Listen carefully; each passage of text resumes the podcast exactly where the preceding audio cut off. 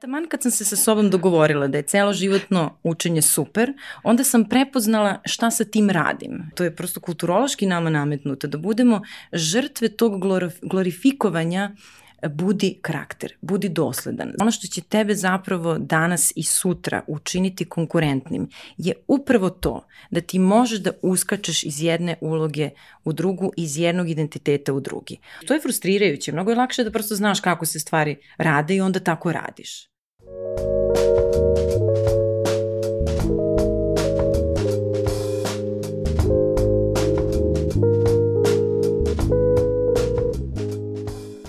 Pažljivo sam slušala, osluškivala, istraživala, sabirala i oduzimala i prikupila pitanja koja muče većinu multipotencijalista.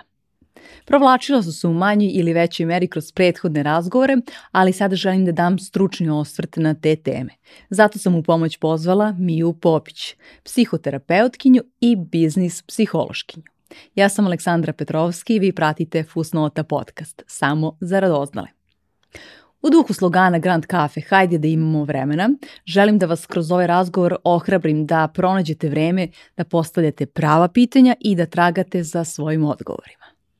Zdravo Mija, dobrodošla. Zdravo, hvala ti. Bolje te našla.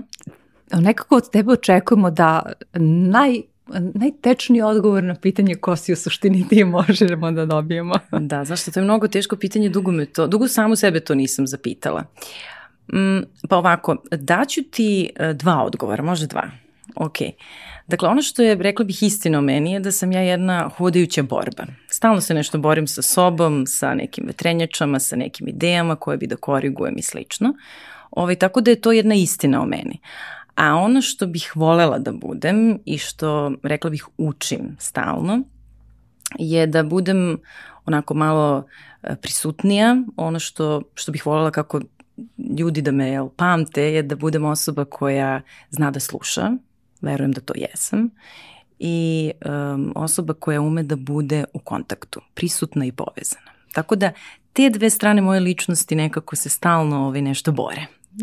Ovo je interesantno čuti zato što mi nekako smatramo da ljudi koji se bave psihologijom, psihoterapijom, oni su savršeni da. i ono ništa toga, toga koji kod njih nema, ali zapravo je istina da isto, isto to što svi mi drugi proživljamo Naravno. i sa čime se borimo, što možda nismo osvijestili ovaj, u nekom trenutku ili, ili nikada. Da. Ovaj, da, da, da, i oni to imaju. Da, to je veliki mit o psiholozima i psihoterapeutima, da su oni sve poslagali i sad nekako pričaju iz neke pozicije savršenog mentalnog zdravlja, što stvarno nije istina. Da. Fino je to nekako ovde otvoreno reći. Mi imamo isto svoje unutrašnje borbe i eto, prva stvar koja, koja mi nekako pane na pamet kad me pitaju ko si je da sam ja jedna hodajuća unutrašnja borba. dve, dve se mi je ovaj, da, se da. A, a ko si ti na dnevnom nivou, odnosno bez čega tvoj dan ne može da, da prođe i šta ti onako ispunjava dan? Pa e, nekoliko rituala, hajde da tako kažem, malih rituala mene čine. Ovaj jedan je pomalo blesav, a to je da se gotovo svaki dan trudim da uz muziku nešto radim. To sad sve više radim i sa svojom čerkom Ovi, ljudi mi često ne veruju kada kažem da je naša glavna zajednička stvar repovanje. Ja volim da repujem sa svojom čerkom. Vi repujete da, ili? Pa na razne načine, da. Od skoro imamo i neki ovaj, mikrofon, pa to onako ume da bude ovaj, vrlo problematično za okolinu. Ali recimo to je jedan ritual za koji sam ja eh, tek skoro primetila da je stvarno nešto što mi radimo skoro svaki dan. Ove, ovaj, a ono što volim sama za svoju dušu, što se trudim, ali ne uspevam svaki dan, je ove, ovaj, šetnja. Košutnjak je onako moje, moje okruženje i tu sam često ovaj, u nekim svojim promišljanjima, samo refleksijama, nekada uz muziku, nekad bez muzike, ali eto, to su možda dve stvari za koje bih rekla da su tu na nekom nedeljnom, a često i na dnevnom nivou. Um, ti, e, ja ovde sam tebe pozvala da pričamo iz stručnog ugla, nekako na sve teme koje su se u prethodnih 30 e, epizodi razgovora spominjale, ali ja uvek volim da držim tu odstupnicu da ja nisam stručno lice, pa sam ovaj, tebe pozvala da, da kao i stručna, uh, stručna osoba govoriš uh, o, o raznim nedomicama koje na prvom mestu multipotencijalisti imaju, ali nekako čini mi se da su to nedomice današnjeg vremena i gotovo svih mm -hmm. uh, ljudi. Um, ali kako ti na prvom mestu ovaj, sve postižeš i balansiraš i te unutrašnja ovaj, borba, jer ti imaš svoju praksu individualnu, takođe si edukator u okviru svoje, u okviru sinergije i ovaj, radiš sa kompanijama, moraš da razvijaš biznis i nekako ja ovaj, kad god vidim, mi je kažem, ja sam završila ovu edukaciju, ja sam završila onu edukaciju, kako to mi ja sve postižem? Mm. E, pa, ja mislim da su tu dve stvari meni pomogle. E, jedna je e, prvo mindset koji sam skoro sebi malo jasnije identifikovala, e, a to je da ja nisam za svakoga i da nije svako za mene. Dakle, ta jedna ideja koju sam ja sebi dozvolila posle 15 godina rada, da počnem da biram sa kim ću da radim, da pažljivo biram i klijente i edukante na našoj coaching edukaciji, da prosto organizujem intervju, da proverim koliko smo mi fit kao program za njih, koliko su oni u skladu sa nekim našim profilom polaznika, da kažem ljudima ovo nije najpametniji način da investirate i prosto ih usmerim negde drugde.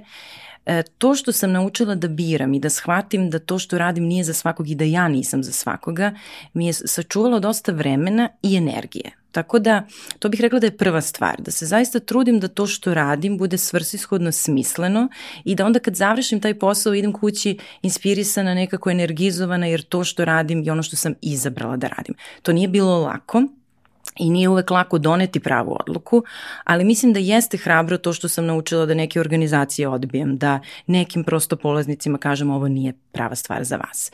To je jedna strana priča.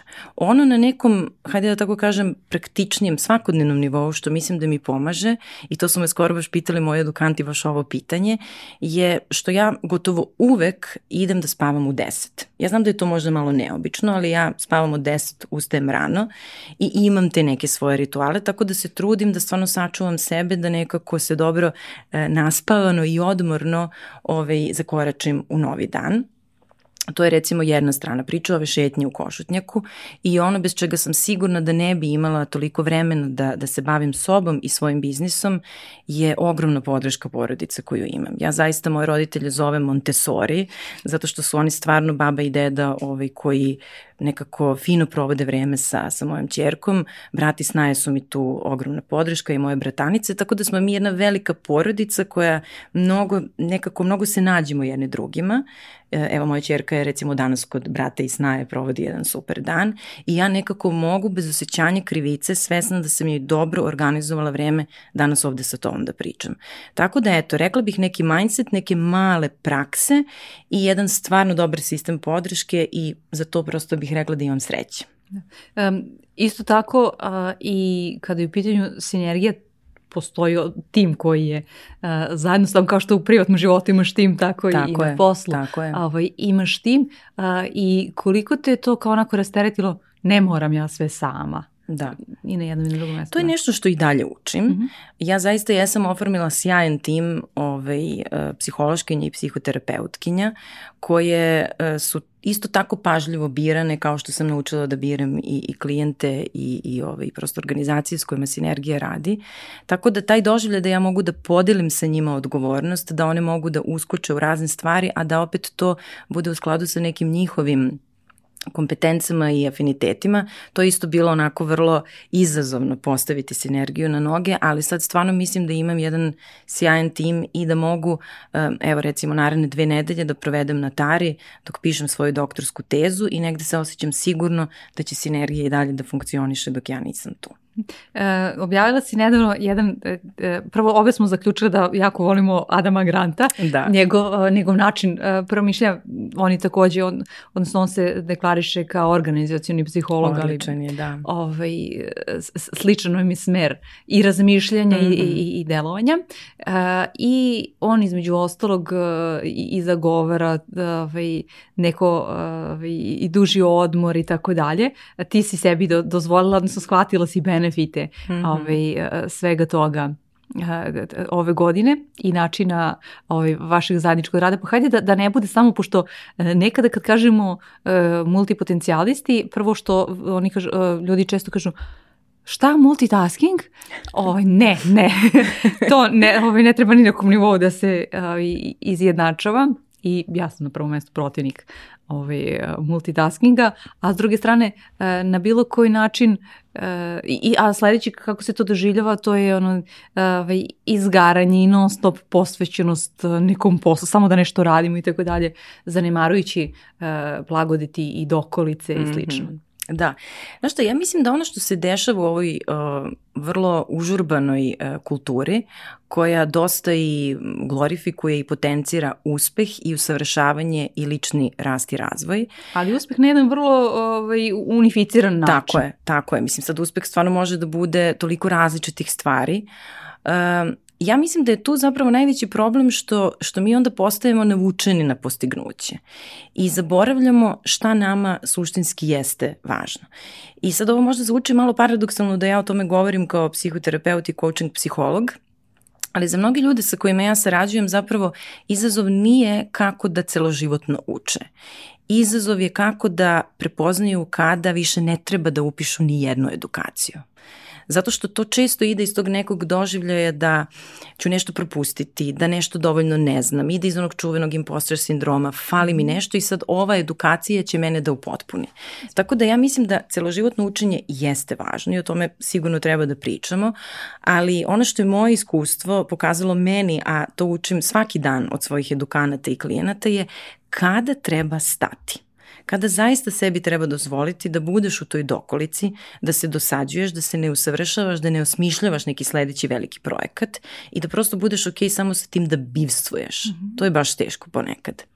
A, znaš kako ja recimo, ovaj, interesantno mi je e, tvoje i definicija i, i doživlje. Ja celoživotno učenje e, doživljavam kao odobrenje da ti u 50. godini možeš da potpuno promeniš e, karijeru mm. ili interesovanje i tako dalje. Ovaj, to, to je recimo moj Absolutno. način shvatanja tog da. celoživotnog. I 60. i tako dalje, da, da ne stanemo to. to. To je zapravo zasnovano na jednom growth mindsetu gde ti dozvoljavaš da nemaš sve odgovore, nemaš sva znanja i da uvek sebi treba da daš šansu da se dalje nekako uh, obučavaš, da prosto stičeš nove veštine.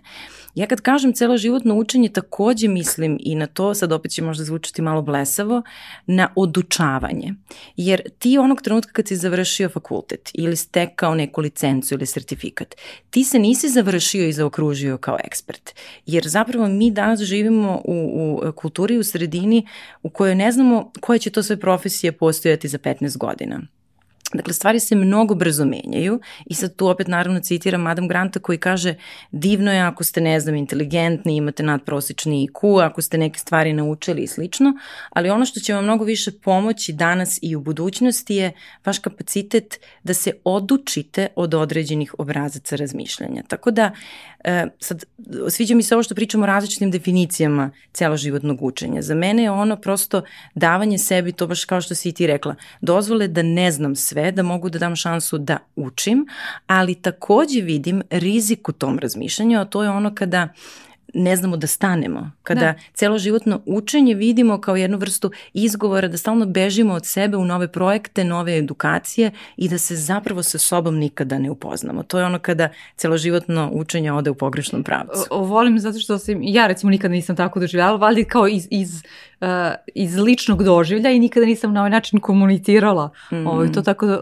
hvala ti što si eto, da. ovaj, i, i meni dozvolila da dodatno ovaj, promislim.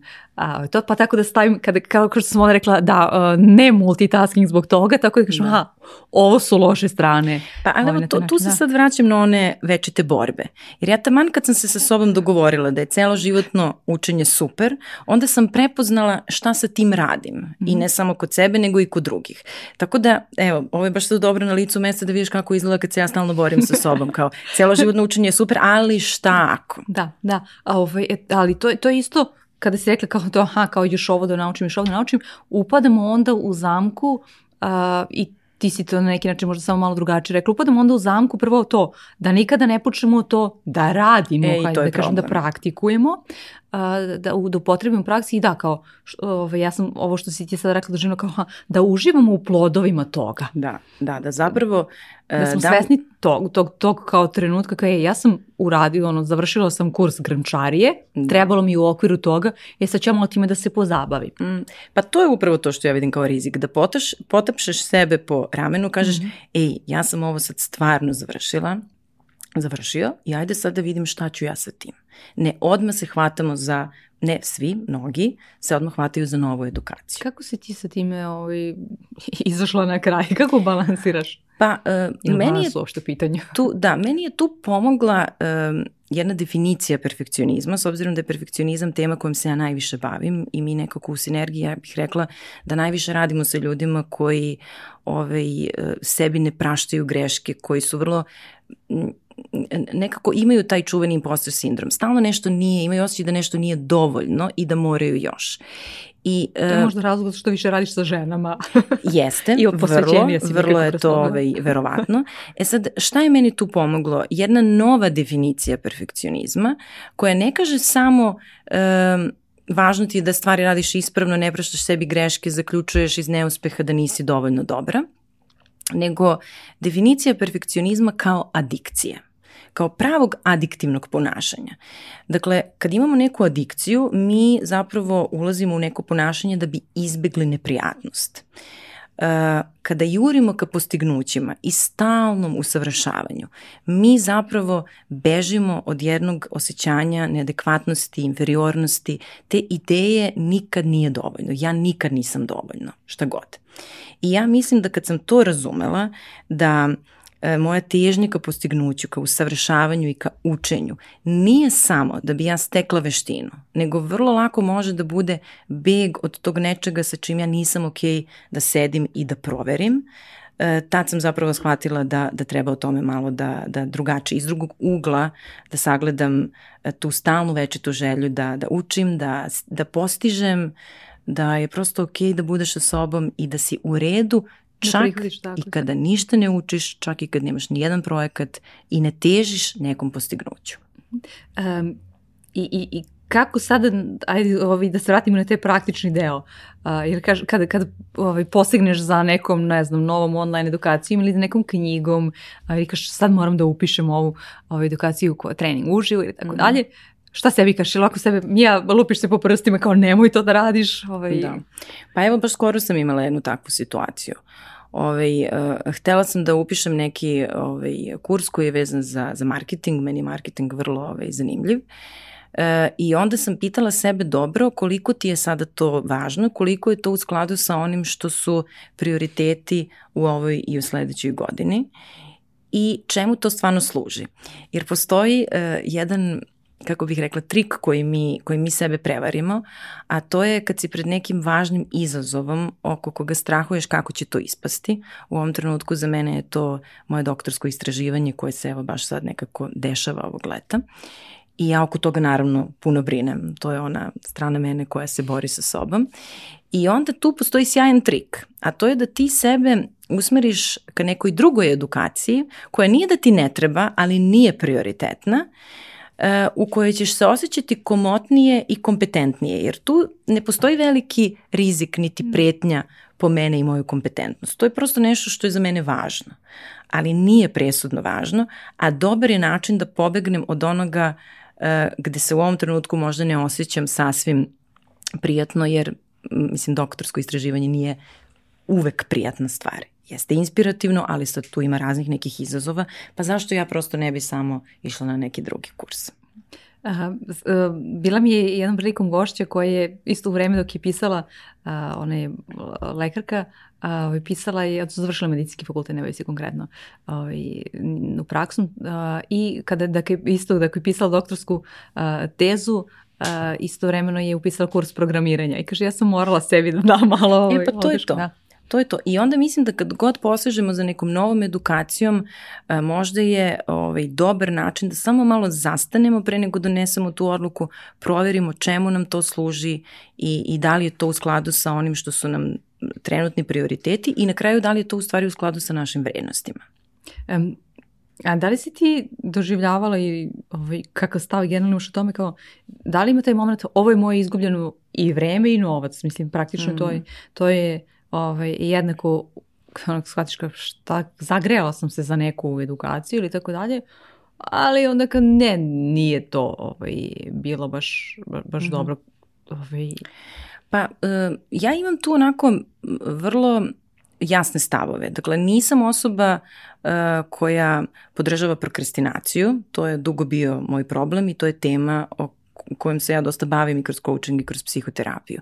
Dakle, kada odlažemo nešto, kada uh, odustajemo od stvari koje su nam suštinski važne, tu obično imamo neku nisku frustracijnu toleranciju, neku uh, teškoću da se nosimo sa neprijatnostima, sa dosadnim teškim poslovima i slično.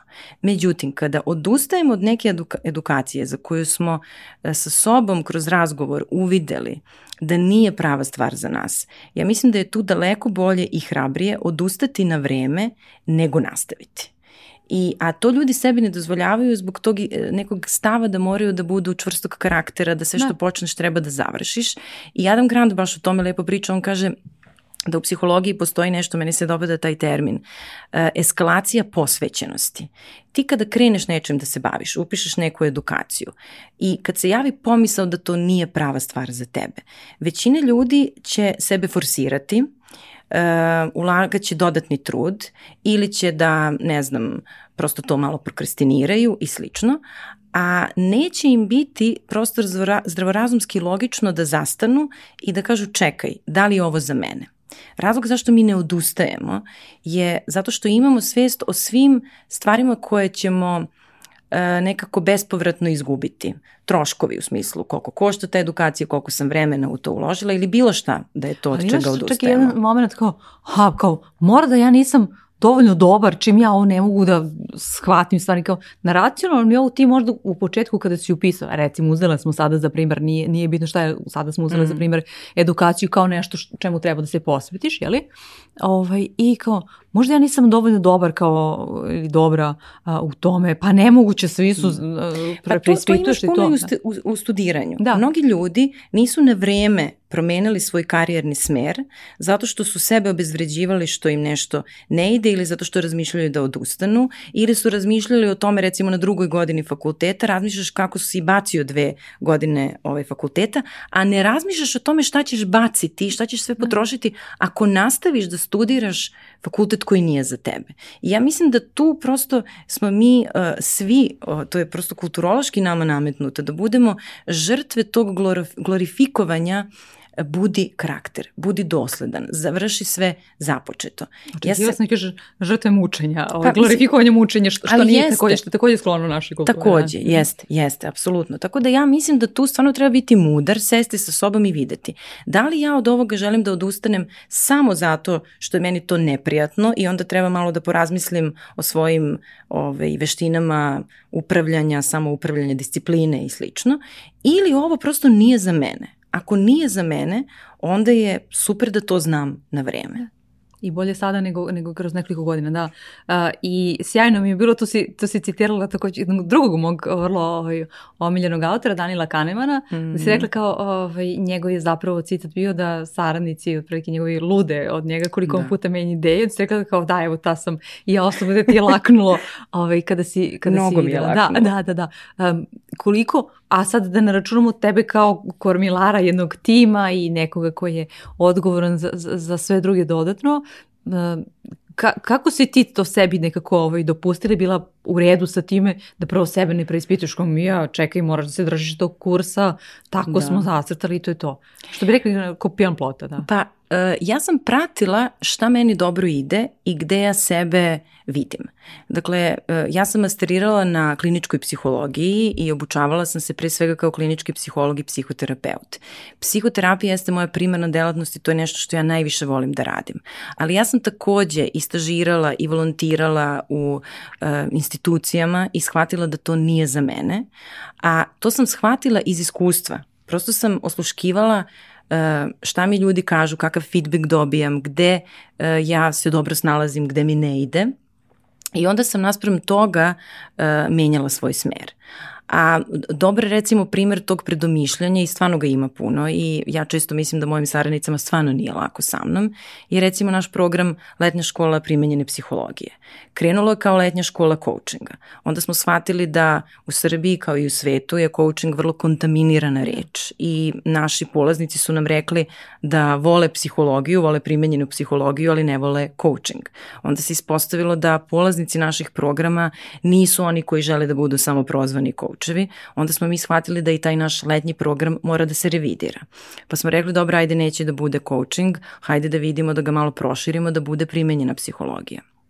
Onda su nam rekli, nećemo samo posao, hoćemo ljubav. Onda nam je to potvrdilo, dobro, treba da bude letnja škola primenjene psihologije ili možda ljubavi, da.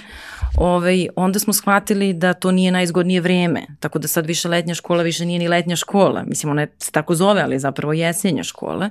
Tako da ja mislim da sebi treba da dozvolimo da se predomislimo kada dobijemo nove informacije koje nam pomažu da razumemo da li je to što radimo u skladu sa našom svrhom, sa onim što mi vidimo da je smisleno i što je u skladu zapravo sa nekom našom misijom. Da, uh, ponovit ću taj drugi deo koji si rekla jer u nekom trenutku sam krenula da izustim pitanje, da, kao, a kako da ipak zadržimo svoj kurs, Tako da je. budemo što se kaže agilni, ti se između ostalog i time ovaj, baviš, da budemo dovoljno agilni, ali da ne dozvolimo da se baš povedemo ovaj, da. za svime. Nego Ovo je da... odlično pitanje ja sam ga sebi postavila zato što sam i ovde naravno videla rizik večeta borba, a to je da ću na ovaj način zapravo postati nekako previše prilagodljiva, da ću čak možda biti karakterisana kao nedosledna, da ću to o sebi misliti, da, da ću, da ću izgubiti integritet. I onda sam zapravo shvatila, i to mi je dosta pomoglo, da ja jesam vrlo uh, agilna i raspoložena da se predomislim oko načina, ali ne oko vrednosti. Dakle, ono što ostaje e, isto u svim mojim ulogama su moje vrijednosti koje sam jednom prilikom kroz e, Hogan inventar ličnosti zaista onako na grafikonu mogla da vidim, a to su altruizam i postignuće. Te dve stvari su meni vrlo važne i one žive u bilo koje od mojih uloga. Ja kao psihoterapeut, ne znam, coaching psiholog, ja kao mama. Letnja škola primenjene psihologije je sačuvala svoju misiju – a to je da zaista pruži ljudima priliku da saznaju nešto ovaj novo iz psiholoških nekih ovaj bilo istraživanja ili iz psihološke prakse i da onda time obogate svoju recimo ulogu lidera, kouča, psihoterapeuta. Tako da misija i vrednosti ostaju iste, one su nam kompas na koji način da promenimo smer i da se predomislimo. Da ostanemo dalje da. utemeljeni. Uh, Sviđa mi se uh, izraz koji sam, moram da priznam, prvi put pročitala uh, kod tebe, a to je uh, samoefikasnost. Mm. Uh, ja sam ga opet 50. put pozivajući se nadama uh, Granta, uh, čitajući uh, ono što, što on radi, pratići njegov rad tu, ali nije tako nazvan. Da. Um, zapravo, a to je da uh, ja imam veru u svoje snage da ću nešto ostvariti, ali da, ovaj, da, nemam, da, da nisam uh, samo uverena ovaj, da, da znam to da uradim. Da, meni je taj pojam toliko drag, to je pojam koji se u socijalnoj psihologiji unazad istražuje nekoliko decenija. Bandura je ovaj, autor i, kako da kažem, osnivač tog tog pojma, čuveni socijalni psiholog. I razlog zašto sam se ja za taj pojam vezala i zašto je baš on tema mog doktorskog istraživanja je opet naravno vezan za neko, neki moj lični e, razvoj i put, a to je jedno uh, uverenje koje sam ja želela kod sebe da, da razbijem, a danas o tome dosta ovaj, razgovaram sa svojim edukantima i klijentima, to je ta ideja da ti moraš da veruješ u sebe, da bi nešto radio. Ja mislim da ne postoji opasnija ideja od te, pogotovo kod mladih ljudi, jer ko, ko je ta osoba koja tako sasvim sigurno veruje u sebe i ima samopouzdanje. Meni je to previše opšt i generički pojam za moj ukus, čak ne znači ništa, jer Ako... I čak uglavnom imam na umu neke onako, da ne kažem sileđije, ali tako Jest, da. jeste. I, uh, ja Glasne sam, ljude. Tako je, koji se nekako busaju da znaju, ali suštinski ti ne znaš šta je iza svega toga. Ovaj, tako da se meni samo efikasnost dopala kad sam pročitala definiciju. To je dakle vera u sobstvenu sposobnost da ostvariš cilj da istraješ uh, kada je teško. E sad, samo efikasnost je vrlo specifično samopouzdanje. To znači da ima onoliko samo efikasnosti koliko ima iskustava u koje se ti upustiš. Pa ja recimo mogu da budem samo efikasna u vođenju ovog razgovora sa tobom zato što prosto imam iskustvo, puno pričam sa ljudima, mogu da budem samo efikasna u pisanju e, članaka naučnih radova ili da se osjećam samo efikasno kao e, majka u nekom vremenu, u kreativnom nekom ovaj, sadržaju koji stvaram sa svojom čerkom. Ali recimo treba da me vidiš, ne znam, u kuhinji ili za volanom. Dakle, nemam samo efikasnost na tom polju jer to prosto nije moje iskustvo. I zašto ja taj pojem toliko volim? Jer nam on pomaže da razumemo da mi možemo da imamo veru u specifičnu sposobnost, a da i dalje možemo povremeno da sumnjamo u sebe i da je to okej. Okay. Jer ljudi, većina ljudi s kojima ja radim sumnju u sebe, čitaju kao dokaz da nisu za nešto kadri i da ne mogu da izađu u susret nekom izazovu. I ja, to je razlog zašto prosto imam problem s tim opštim stvarima. Veruju u sebe, e, treba ti samopouzdanje, važno je da samo misliš da ti to možeš pa ćeš moći. Mislim, ne idu stvari tako da, u praksi. A, um, sad, ako sam promišljala, a, bez ikakve sad kao namere da, da kažem kao like, a, osporim sve to, ali uh, taj koren reči efikasan, meni mm -hmm. to nije uh, do, uh, ne budi mi, odnosno šta, šta, sa čim ja imam problem konkretno mm -hmm. kod toga, zato što kao, efikasan to je onaj koji bira uh, najkraći put do nečega, mm -hmm. koji je već utemeljen ovaj, u, u nečemu uh, i gde nam nekako ne ostavlja prostor uh, da uradimo nešto drugačije, da promislimo, da, da se upitamo da li može ovo drugačije i slično. Mm. I super je zato sam ja nekako si... zastala ovaj, kod Da, super mi je ovaj input. I baš zato, mislim, na engleskom se kaže self-efficacy uh, i govori se, to je zapravo pojam um, koji možda bi mogao da bude blizak sa nekom samosvešću. Svest o tome da ti nešto možeš. Kada ti to razumeš, kada je tebi jasno da ti posjeduješ određeni skill, ti ćeš birati kada ćeš da ga staviš u praksu. Nećeš ga uvek primenjivati. Možda ćeš ponekada proceniti da treba baš da ga nekako parkiraš, stopiraš i da radiš nešto drugo. Tako da možda najjednostavniji primer toga je to često, zvu, često ovaj, viđam u, u praksi, iako zvuči možda malo blesavo, a to je da je recimo neko dobar govornik, a nije toga svestan. Dakle, efikasan je u retorici, u izlaganju, u prezentovanju, ali nije svestan te svoje veštine. I onda će možda nekada da priča previše ili će koristiti ovaj, neke priče koje nisu adekvatne za određenu ciljnu grupu. Kada ti osvestiš kako tebi to ide, ti mnogo bolje upravljaš svojim veštinom. Pa ćeš možda kad shvatiš da si dobar u prezentovanju, shvatiti da bi mogao da budeš dobar i u prodaji ili u pregovaranju. Nećeš prosto uzimati zdravo za gotovo tu svoju veštinu i biraćeš kad i primenjuješ. To je priča o samoj efikasnosti. E, dakle, ovde više, e, e, više akcenat zapravo i težnje na, na reči samo. Tako je. Ove, tako nego je. na, na da. efikasnosti. Spomenula si parkiranje određenih aktivnosti i tako mm. dalje. I tu postoji nekako ovaj, i problem kad treba nešto da parkiramo. Mm. Imamo počeo od toga ha, kao a, i, i o mogućnosti izbora našeg, stotinu se pitanja a, tu otvori opet toga ha, kao da li isto to pola puta do odustajanja. Da. A, I LinkedIn je sad recimo uveo taj deo i što je dobro zato što se nekako dobro i to kao moja karijera je na neki način na pauzi. Mm -hmm. Znači o, o, ovaj e, spoljni svet nama kao jedinkama odobrava nekako, da. normalizuje se ovaj, to da po bilo pitanju čega možemo da budemo na pauzi. Ja mislim da je to presudno važno i to je da budem onako potpuno iskrena jedna stvar koja e, meni teško pada, da, da zastanem, da pauziram i to je nešto što učim, a što mislim da je presudno važno da bi mogli istinski da uživamo u postignućima. Jer uh, to je ono čemu smo malo pre ovaj, govorili, da ako ne naučiš kako da pauziraš, ni ti uspesi neće biti bog zna šta. Možda će biti drugima, ali tebi neće jer prosto nećeš sebi dati dozvolu da se poraduješ, nego već moraš da smišljaš nešto sledeće. Kako da animiraš svoj ovaj, Jest. mozak, hajde Jest. tako da kažem. Tako da su pauze mnogo važne.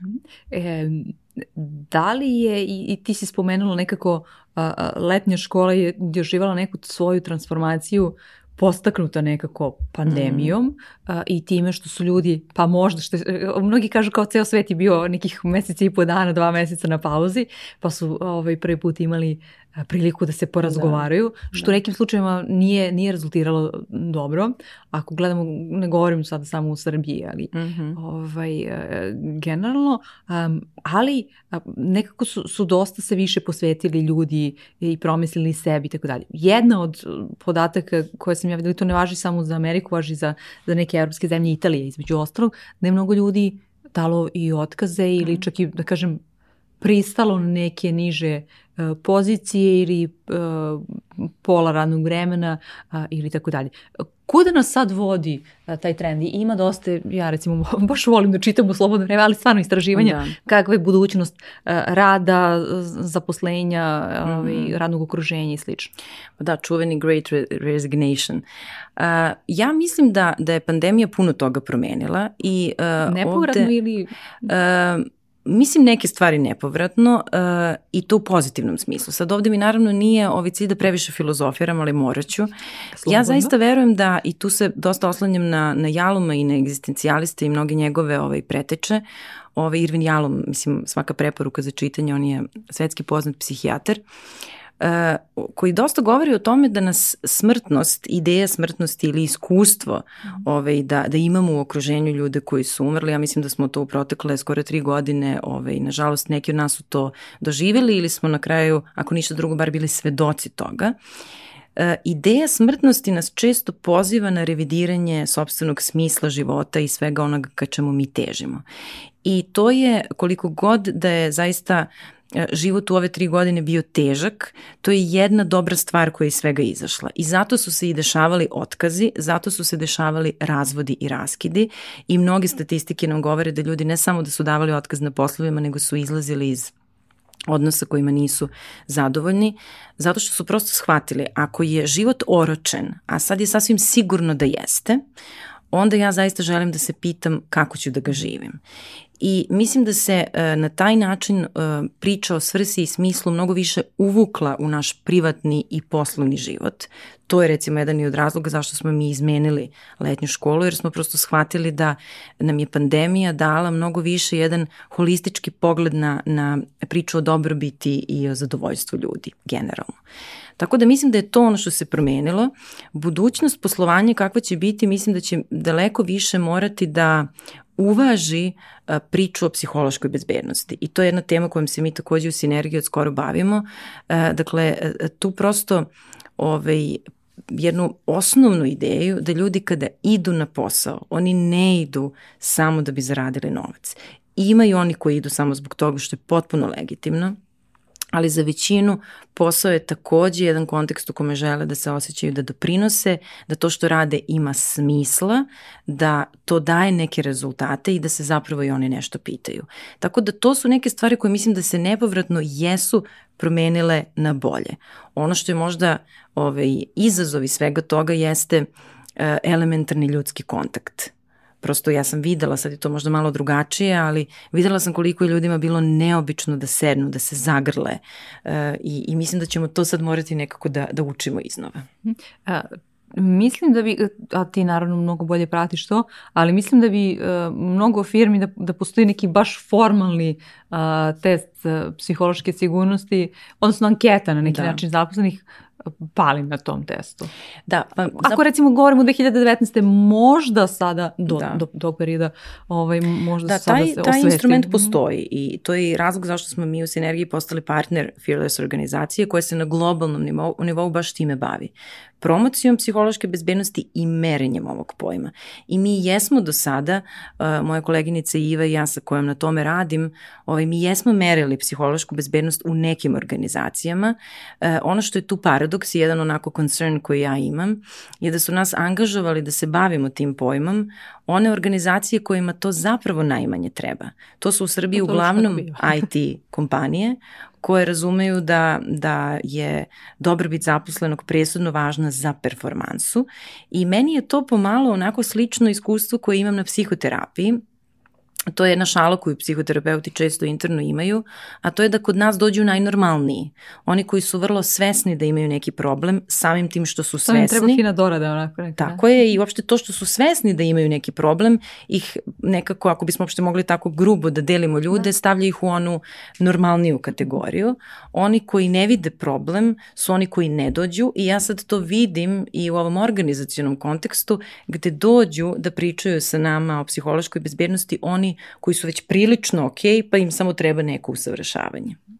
Um, da li da se sad, da se sad vratimo da kažemo na, na neki način na pojedince, e, da li smo sada e, pojam sigurnosti takođe, kao što smo malo pre ovaj, definiciju uspeha mm -hmm. rekli da treba da, da revidiramo i da je pronaćemo ili svako sebe, da li smo uh, i, i sada taj moment sigurnosti svim kroz sve ovo što se dešavalo i dešava ovaj, u pandemiji e, promenili možda mm -hmm. percepciju toga?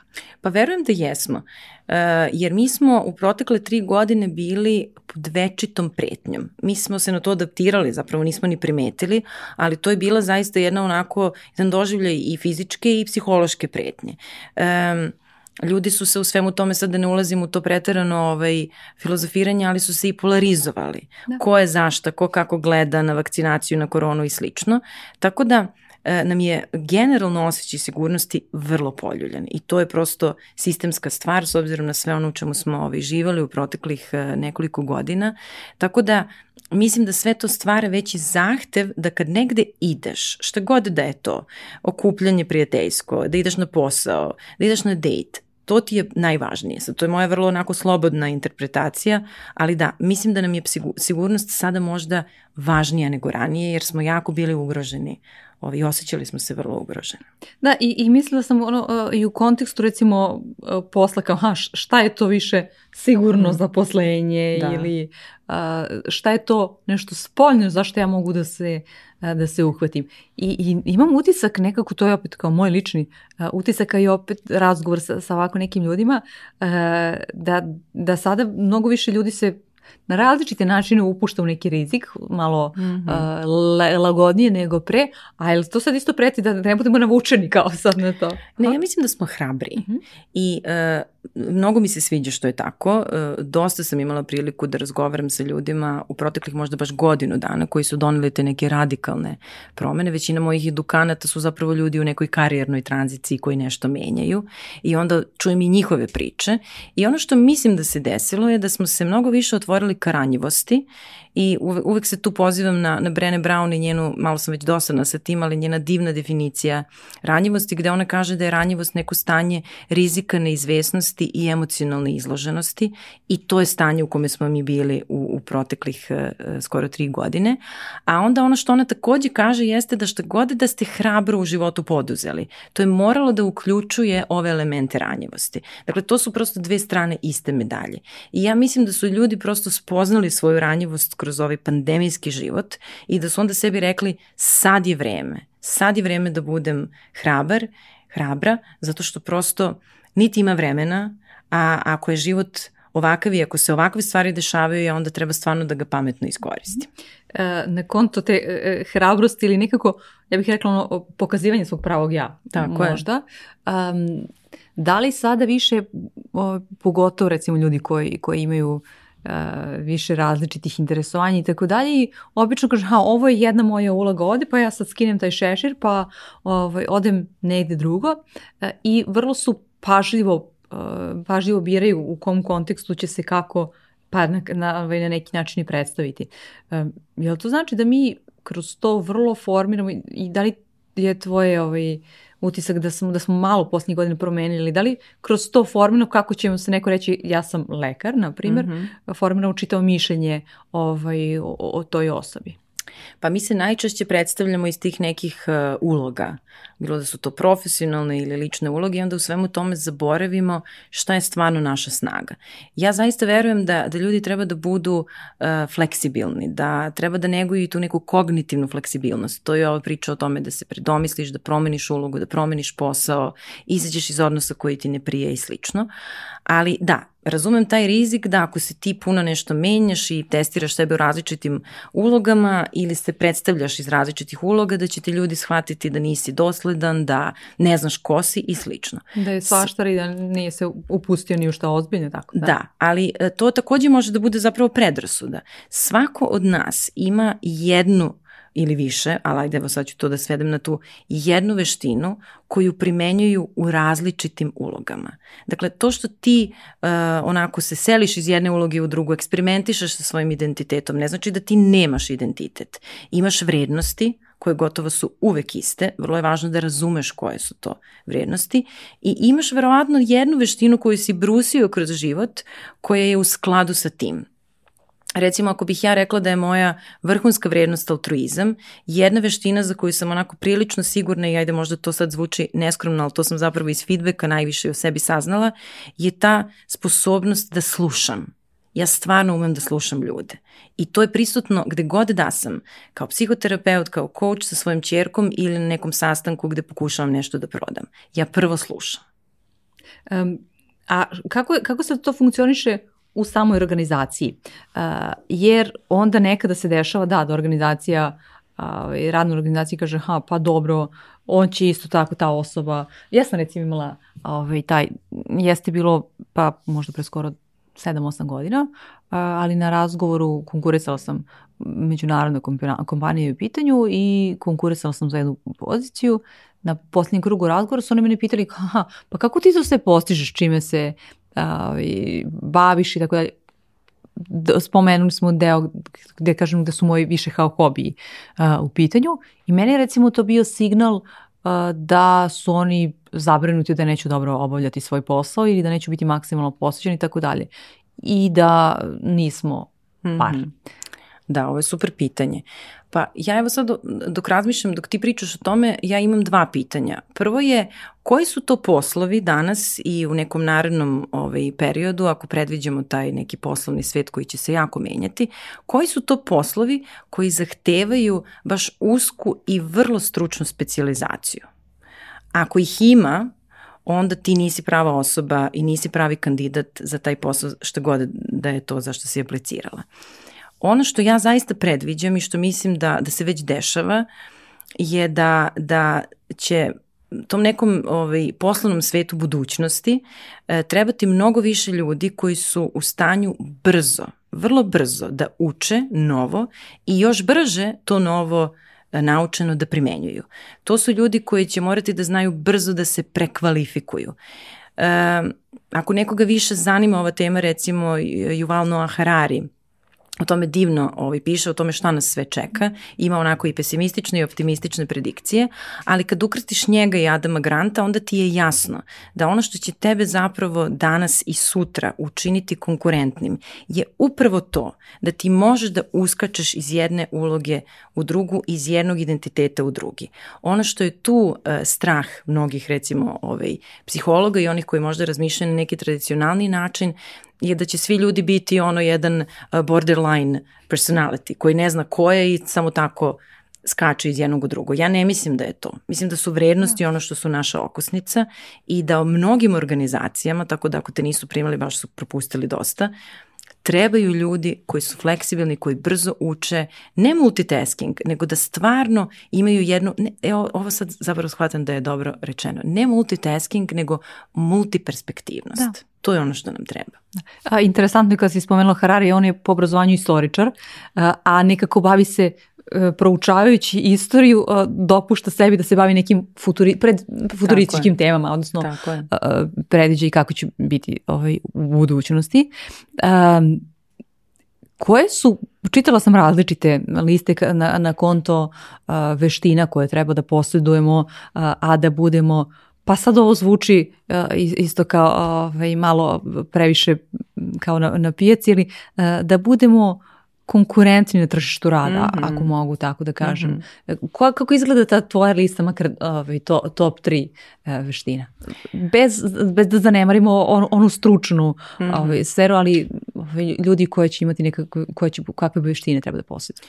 Pa ja mislim da je preispitivanje, to je kritičko razmišljanje prva, to znači da se ne, uh, i to baš i Daniel Kahneman to kaže, da se ne vezuješ grčevito za svoje ideje, nego da prosto dozvoliš da su ideje tu, U stvari to je kritičko i naučno razmišljanje. Da sve što Ovo dobiješ... Ovo si Kahnemana i Granta dobro. Da, da, da, da, da. Dakle, da sve što dobiješ kao jednu ideju prosto gledaš kao hipotezu i da je testiraš. Dakle, jedno naučno kritičko razmišljanje. Uh, E, to bi bila prva.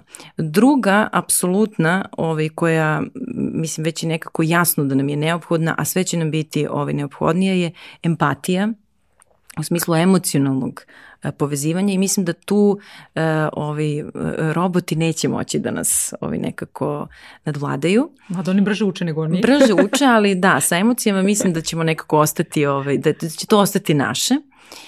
Um, I e, treća bi možda bila ta sposobnost da se odučiš. Ona je povezana sa ovom prvom. Da jednostavno staviš svoj ego po strani i da razumeš da je vreme da promeniš smer i da stari obrazci razmišljanja i ponašanja više ne rade i da ih se, opro, da se oprostiš od njih, a da i dalje sačuvaš ok sliku o sebi. Mislim da će to ljudima biti dosta teško, jer mi se vezujemo za određene načine razmišljanja i načina ponašanja, svojim egom se vežemo za to. I onda kad odustajemo od njih imamo utisak da to govori nešto o našoj ličnosti, a to je zapravo u suštini moja definicija agilnosti. E, prvo što si, e, prvo što si navela je to kao da, da, da, ovaj, da preispitujemo i ostalo. E, ali gde sad mi tu da ne odemo ono, u, u neki ekstrem, da ne izađemo iz te beta faze? Ono, kao stalno smo u nekoj beta pa, fazi. Tako što ćemo uh, se nekako uh, komitovati na eksperimentaciju. Dakle, e, preispitivanje nije da ti jednu misao opovrgneš drugom. To je zapravo obsesivno razmišljanje. Preispitivanje je da jednu misao što brže testiraš u praksi i da iz informacija, iz iskustva, iz feedbacka, sad šta god daje to što radiš, dođeš do uvida. Tako da ovo je super što si pitala, jer rizik je opet da se preispitivanje shvati kao obsesivno promišljanje gde ti jednu svoju ideju pobiješ drugom. Ne pusti neka je iskustvo validira ili demantuje. I opet sad tu dolazimo do tog momenta, uh, ne dajem sad ovde pritom nikakav uh, sud o tome, ali uh, dolazimo do momenta da ćemo se kretati, jer ti ćeš dobiti neki odgovor neku svoju ideju, misao, testirat ćeš u praksi ovaj, i onda ćeš doći u novi ciklus da, da testiraš ovaj, nešto drugo, pa treće. Um, da li ti tu vidiš neki potencijalni rizik? Vidim i za to nam je potrebna samo efikasnost, mm -hmm. a to je da istrajemo, da se nosimo sa frustracijama, da se nosimo sa tim da neke stvari i neke ideje se nisu pokazale kao validne i da nekako uh, sačuvamo uh, istrajnost u svemu tome. Jer to je frustrirajuće, mnogo je lakše da prosto znaš kako se stvari rade i onda tako radiš. Mm. I zato mislim da će nam trebati dosta samo efikasnosti uh, koja je zapravo um, druga strana priča o rezilijentnosti, izdržljivosti i istrajnosti. Ok, sada si spomenula rezilijentnost i da, ovaj, kako se to efikasnost uči, hajde, tako da kažemo, mhm. jer postoji drugi veštine kojima da. nismo skloni i tako dalje, ali da. možemo da ih naučimo. I znaš šta, ovo je super pitanje zato što psihologe uvek pitaju daj nam neki trik, neke korake, ovaj, i meni su ta pitanja uvek teška, ali ovde zapravo imam odgovor. Dakle, samo efikasnost po onome što znamo iz, što nam kažu, nauka i praksa, se razvija kroz neka četiri izvora učenja. Prvo je iskustveno učenje. Dakle, testiraš, prosto uđeš u neko novo iskustvo i tu ti može pomoći ta misao da ne moraš da budeš samo uveren, samo treba da probaš i nešto novo iz toga da saznaš. Tako da je iskustveno učenje i upuštanje u no, nova, nove neke aktivnosti prvi korak. Drugi je um, neki dobar role model. Dakle, osoba koja te na neki način inspiriše na tom istom polju, na polju tih veština koje ti želiš da usvojiš i onda posmatraš kako ona to radi. To može da bude neki role model koji je stvarno u tvom okruženju, može da bude čitanje nekih inspirativnih priča ljudi sa kojima se identifikuješ. Ono što je tu važno jeste da to bude uh, model koji nije, mislim da je ovo možda ovde važno reći, uh, uh, koji nije nekako previše udaljen, nego neko koga stvarno vidiš kao kad može on, mogu i ja. Zato što rizik kad čitamo inspirativne priče, sad ja recimo uzmem pa čitam ono Steve Jobsu, ja ću dok čitam to videti samo ono što je on Tikaš znao, a ja nisam. Da. Tako je. Znači naći role modele s kojima možemo da se identifikujemo. To je druga strana, ovaj drugi izvor. Treći je feedback. Eh, recimo u organizacijama se stalno priča o tome kako se daje feedback. Feedback treba da se traži. Da.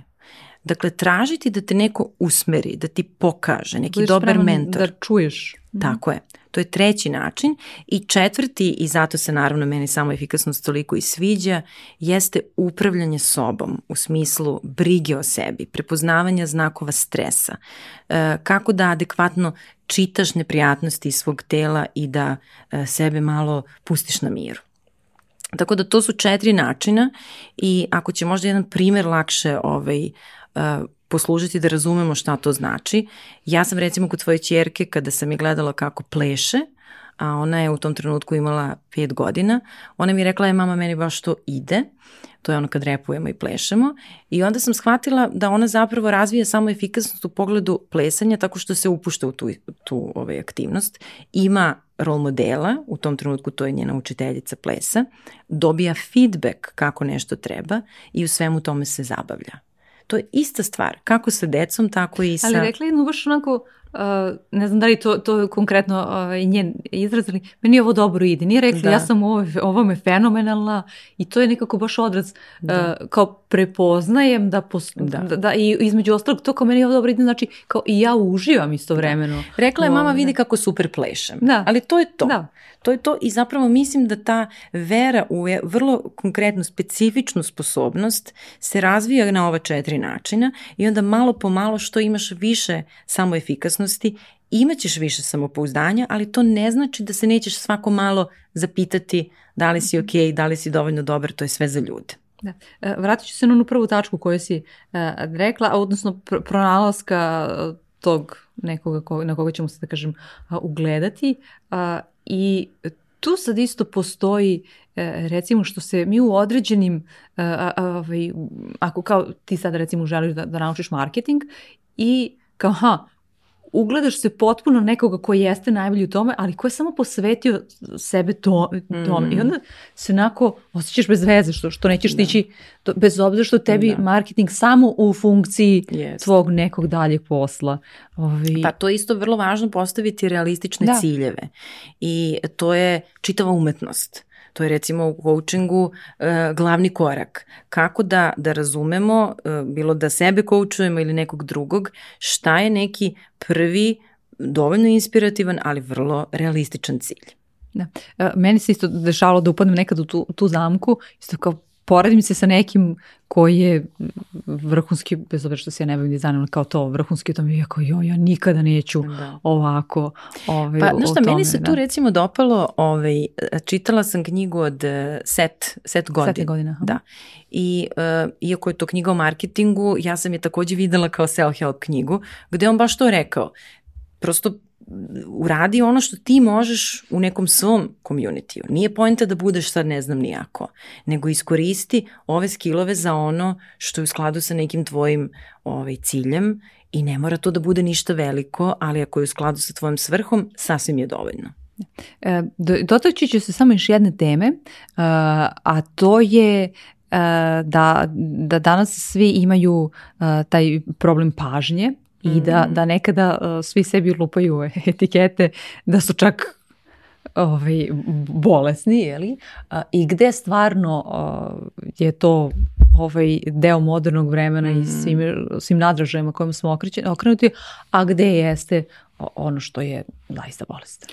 Da, um, mene ova tema dosta okupira, iako moram reći da nisam ekspert za, za poremećaje pažnje, ali ono što sam nekako uspela u hodu i gradeći svoj biznis da primetim, jeste da nam jeste pažnja postala problematična i zbog ovaj, informacijonih tehnologija, zbog tog čuvenog scrollovanja, šta je ono što će ti dovoljno ovaj, nekako zapasti za oko da ti zastaneš i slično. Često čujem i mi kada pravimo neke naše strategije za oglašavanje na mrežama, ljudi ovo neće da čitaju, ovo je preobimno i slično.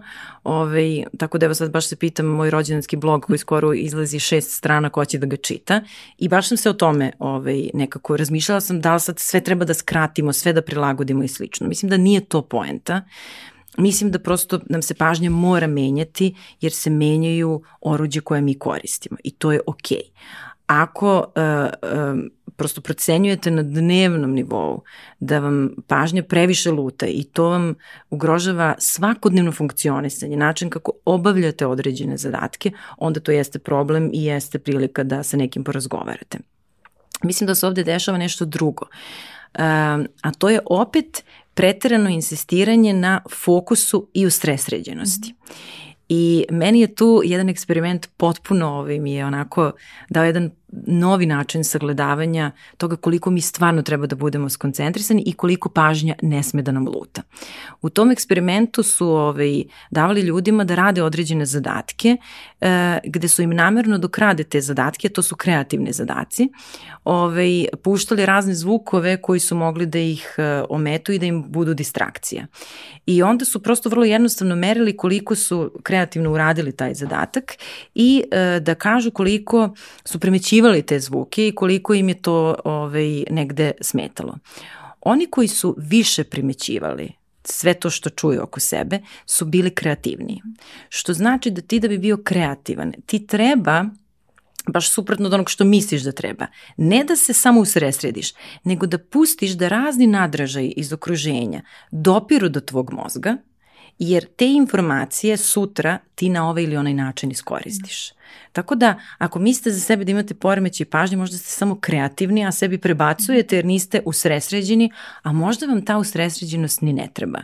Kreativni ljudi su oni koji puštaju da druge stvari utiču na njih, koji ih čuju i onda od toga naprave nešto. Meni je to bilo potpuno wow. Ja sam recimo najbolje beleške ovaj, u, u, tokom obrazovanja ili to, najbolje beleške hvatala kada u, uporedo sa, sa predavačem ili tako dalje i čak se dešavalo da neko ko sedi pored mene ne piše, pita a šta je rekla, kako je rekla? Mm pa kad ti slušaš, a ja pišem istovremeno da. i mnogo bolje da. čujem ovaj, i procesuiram verovatno to što osoba kaže. Ali s druge strane imamo recimo trend e, da a, smatrajući da, da, da u, u, u Silicijonskom delini žive jedni od ljudi koji kao nekako znaju kuda će to ovaj, ovaj svet ići dok se nije ona preselila u neke druge države, ali razumeš šta hoću da, da kažem, nekako najprogresivniji yes. ljudi današnjice a, i da a, oni šalju svoju decu, ako možemo da nazovemo, u analogne a, škole. Mm -hmm.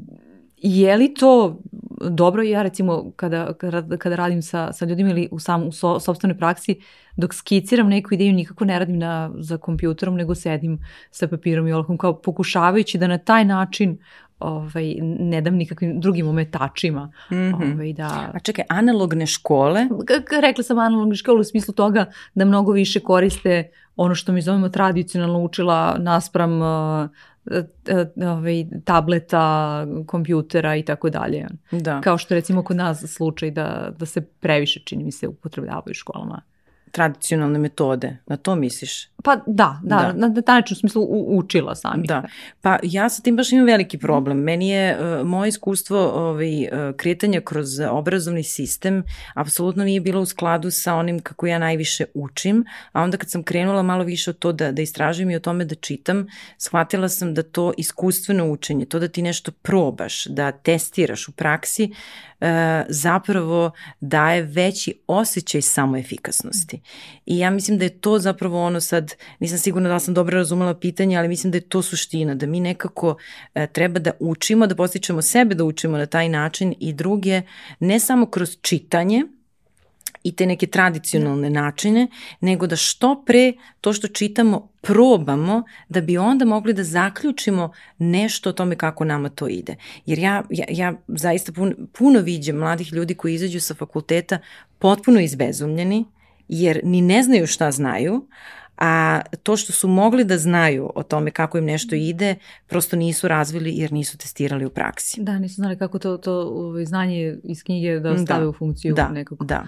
ovaj, posla. E, da zaokružim ovaj, ovaj razgovor a, pitanjem koje, koje, koje postavljam svakom gostu, mada si ti negde kroz, kroz priču to je rekla, a, ali bez kog znanja ili veštine ili osobine ti danas ne bi bila ova Mija sa kojom razgovaram. Pa mislim da tu ima više nekih stvari. Uh, definitivno to što umem da, da slušam i što sam empatična, mislim da mi je to ovaj, nekako pomoglo kroz moj razvojni put i lični i profesionalni. To što umem da budem sa različitim ljudima i da pronađem isti jezik koliko god da se mi međusobno razlikujemo. I jedna stvar koju sam naučila, što sam više dobila kao feedback od svojih edukanata, a to mi nije bilo potpuno nekako, nije mi bilo u domenu samo efikasnosti, nisam bila svesna da mi to dobro ide, je veština da vrlo kompleksne pojmove sagledam i opišem i prezentujem na jednostavan način. Mislim da je to onako jedna snaga koju sam spoznala ovaj, zahvaljujući feedbacku koji sam tražila. E, postoji li, pošto smo već pričali evo, i ti sada malo pa rekla kao, uvek me svi pitaju za neke trikove i tako dalje, da. korak ili ostalo, ali postoji li zapravo način da budemo empatični, da, da naučimo, da kažem, da, da slušamo na taj način? Postoji li mnogo težak, a to je da... Jer čini se da to baš dolazi iz osobe, da, da mnogim veštinama možemo da, da, da ovladamo, ali da to je nekako da. baš... Mislim da je jedini način da istinski budemo empatični ako pričamo o empatiji u smislu e, emotivnog povezivanja sa nekim, e, je jedna hrabra odluka da prvo zaronimo u sobstveni emotivni svet. Jer ako ne poznajemo čitav dijapazon različitih emocija, mi nećemo imati čime da empatišemo. I to je razlog zašto je tako mnogo ljudi Nećemo danas... Nećemo ti da prepoznamo kod drugoga, tako je, ako nemamo tako sebi. Je. Da. E, mnogi ljudi su neempatični e, ne zato što su zli ili zato što su psihopate, nego zato što prosto nisu sebi dali dozvolu, a nije im ni društvo ili roditelji ili kogod dao dozvolu da oseti osjećanje, da ih spozna, da ih oslušne i da onda zna čime zapravo može da se poveže. Jer mi se povezujemo kroz osjećanja, ali moramo da spoznamo svoja da bi mogli da spoznamo tuđe. Hvala ti Mija i sad verovatno svako na kraju razgovora sa tobom kaže da, se, da, da je zaista mnogo naučio i to nije ovaj, nikakva fraza ili tako dalje. Ovaj, hvala ti što si ovaj, podelila sve ovo sa nama. Hvala ti puno na ovom pozivu.